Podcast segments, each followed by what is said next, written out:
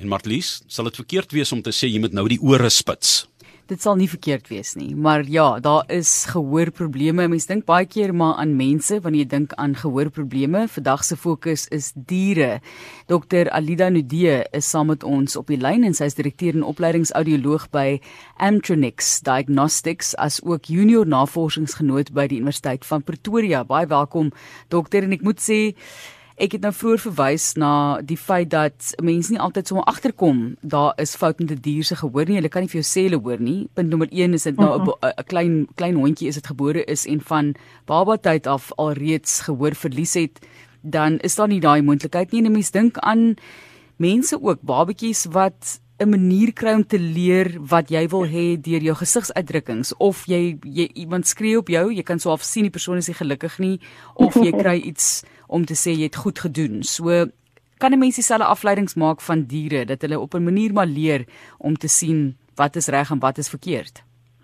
Ja, julle baie dankie. Dit is vir my 'n baie lekker onderwerp om oor te praat. Um, ek sê dit is die dit is die nagereg van my werk om uh, met die met die diere te werk.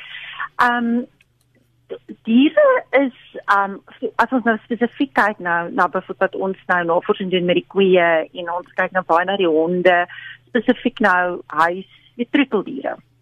En wat gebeur is hulle word gewoonlik mos nou maar in 'n um dit hulle is 'n klompie van hulle.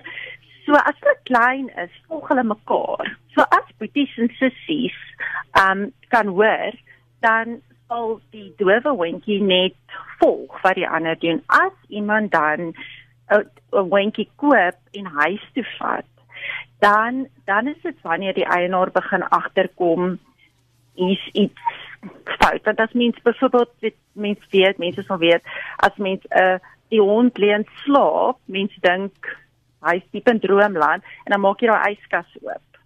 En skielik sit hy langs jou want hy kom bedel vir sy stukkie borsie of wat ook al hy daar kan kry.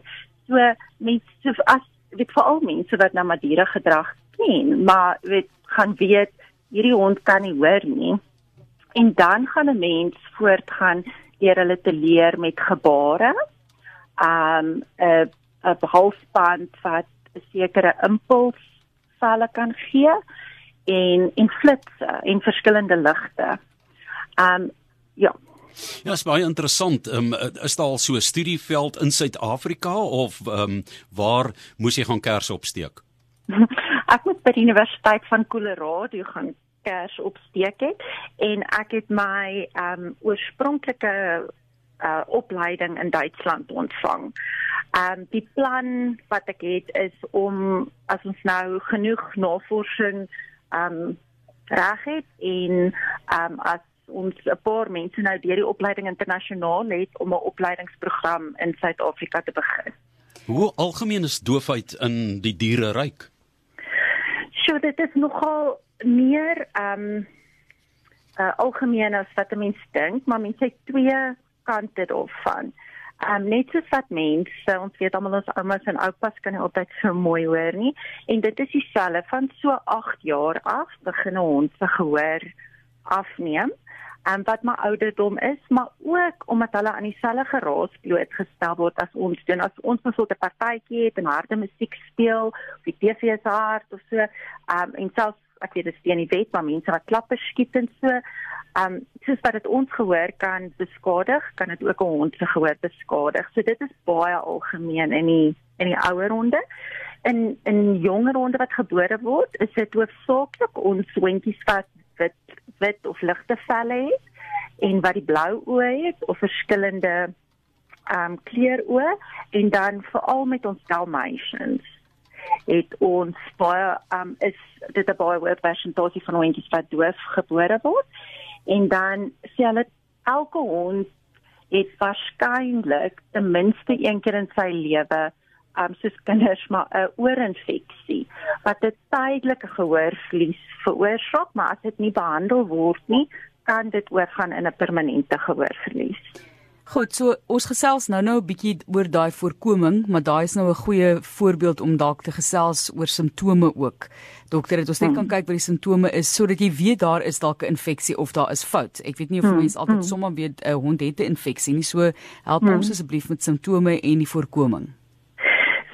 Gewoonlik is dit um, dat hulle kop skud en van weet daar's kere wat hulle hulle self van balans af skud of hulle draai hulle kop skeef. Um, wat hulle help kompenseer met balans of hulle is van balans af so die hond lyk so 'n bietjie dronk en dan as hulle die oor krap maar nie net 'n gewone soos wat hulle enige ander plek krap nie maar hulle is die hele tyd besig hier met die oor en wanneer hulle die oor krap is dit nie net 'n vinnige krap nie maar dit is amper 'n so 'n bietjie van 'n kerm saam met dit nie 'n ja. huil nie maar 'n soos wanneer mense nou lekker hulle ore vry van hulle kerm so bietjie. Um dan en dan natuurlik het hulle die gehoor verlies. Um en veral moet 'n mens daar kyk na mense spaniels, die Engelse cavalier, die beagles en die bassets. Dis hierdie honde nou maar almal met die lang ore want dit is donker daar binne. Dis net as hy oor kleiner is of regop is dan is hulle minder geneig tot 'n gehoorverlies en dan natuurlik honde wat swem. So, ehm um, dan is interessant dat jy sê vir die krapper, ek dink meeste meeste diere eienaars of honde eienaars dan nou hier spesifiek sal hmm. dink daai gekrappery is maar 'n bietjie ekseem of is 'n gejekkery maar net in die oor. Mm. Maar 'n uh, ekseem kan ook lei tot 'n uh, meer ernstige um, infeksie want wat gebeur is die um, die vel aan die binnekant begin swel en dan gaan die kanaal meer toe en dan kom die klank nie deur nie. En hoe langer daai infeksie daar is, so selfs 'n gewone ekseem moet eintlik behandel word en baie veeartse sal um vir die eienaar wys hoe om die oorskoon te maak en hulle 'n uh, middel gee om mee skoon te maak sodat hulle nie elke keer hoef terug te gaan na die veearts nie. Ons gesels met die direkteur en opleidingsaudioloog by Amtronics Diagnostics as ook junior navorsingsgenoot by die Universiteit van Pretoria. Dis Dr. Alida Nudee wat ons gas is per telefoon op die oomblik in 360. Ehm um, net so vinnig net uh, Dr. Alida, jy het verwys na honde wat swem. Is dit ehm um, jy weet daai kloorwater en seewater en so? Is dit iets waarna mense moet oplet?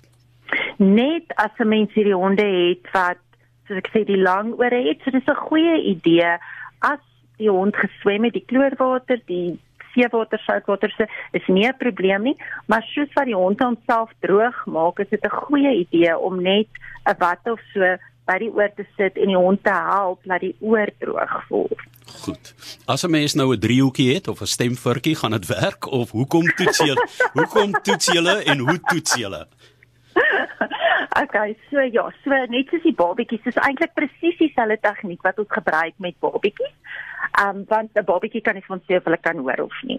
So wat ons doen is ons sit ehm um, baie dit klink erg, maar dit is nie. Dis 'n baie baie baie dun ehm um, naaltjie wat 'n naald wat ons onder die vel insit. Dis nie eers so 'n inspuiting nie, regtig net onder die vel en dan sit ons oorvoetjies in en dan kan ons die ehm um, breingolwe monitor. So ons monitor die breingolf en dan bied ons 'n klank aan teen verskillende intensiteite en ons kyk hoe die brein reageer op die klank en of die brein reageer op die klank.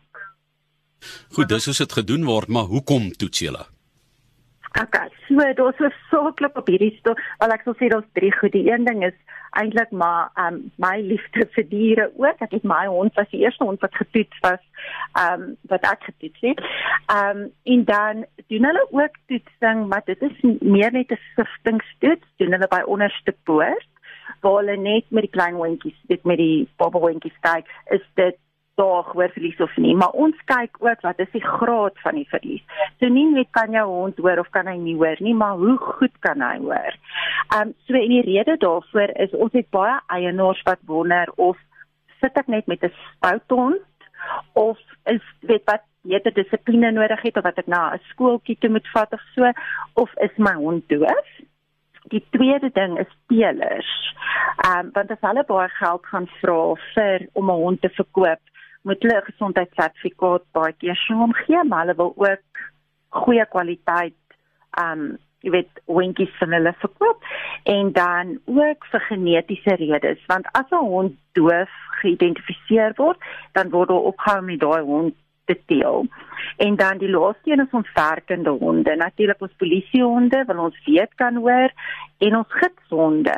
Ehm um, weet as 'n as 'n ons het byvoorbeeld honde wat vir dowe mense en blinde mense, maar jy kan nie so sê the blind leading the blind kan jy nie hê the deaf leading the deaf nie. So daai honde, dit dit is hulle loopbaan is afhanklik van hulle gehoor. Baie dankie vir die interessante veld en onderwerp wat ons vandag kon bespreek het hier in 360. Ons het maar so die die seekoei se oortjies het ons van nader verken. Dit is ons gas, dit is Dr. Alida Nodee net net so vir die agtergrond opgelei as 'n audioloog of 'n ja. of nie 'n veearts nie, né?